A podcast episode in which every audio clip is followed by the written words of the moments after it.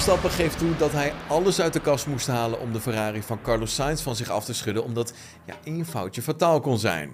De Red Bull-rijder kwam in de slotfase onder druk te staan van Carlos Sainz, die tijdens de safety car situatie, veroorzaakt door Yuki Tsunoda, verse bandjes had opgehaald. Sainz pushte zo hard als hij kon met de DRS-hulp op drie verschillende zones, met zijn beste kans op een overwinning bij naderen van de laatste chicane aan het einde van het lange rechte stuk. Maar goed, gevraagd naar de cruciale factor bij het verdedigen van zijn voorsprong, zegt Verstappen het volgende.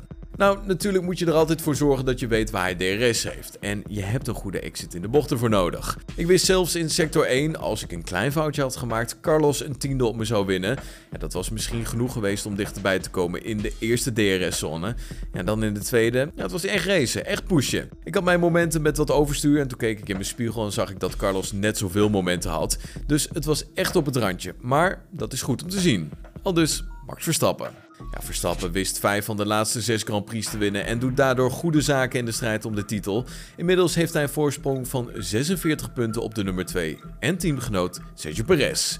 Kijken we naar het constructeurskampioenschap. Leclerc deed goede zaken. Hij reed van plekje 19 naar plek 5 en zodoende kon hij 10 punten meenemen. Ferrari heeft daarmee het achterstand in het constructeurskampioenschap van 80 punten teruggebracht naar 76.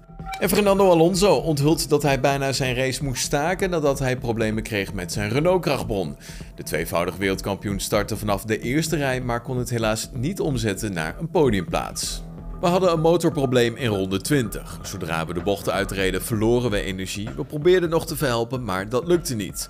Gelukkig zijn we niet uitgevallen en hebben nog een paar punten gescoord. Maar tot dat punt waren we aan het vechten voor podium. Al dus Fernando Alonso.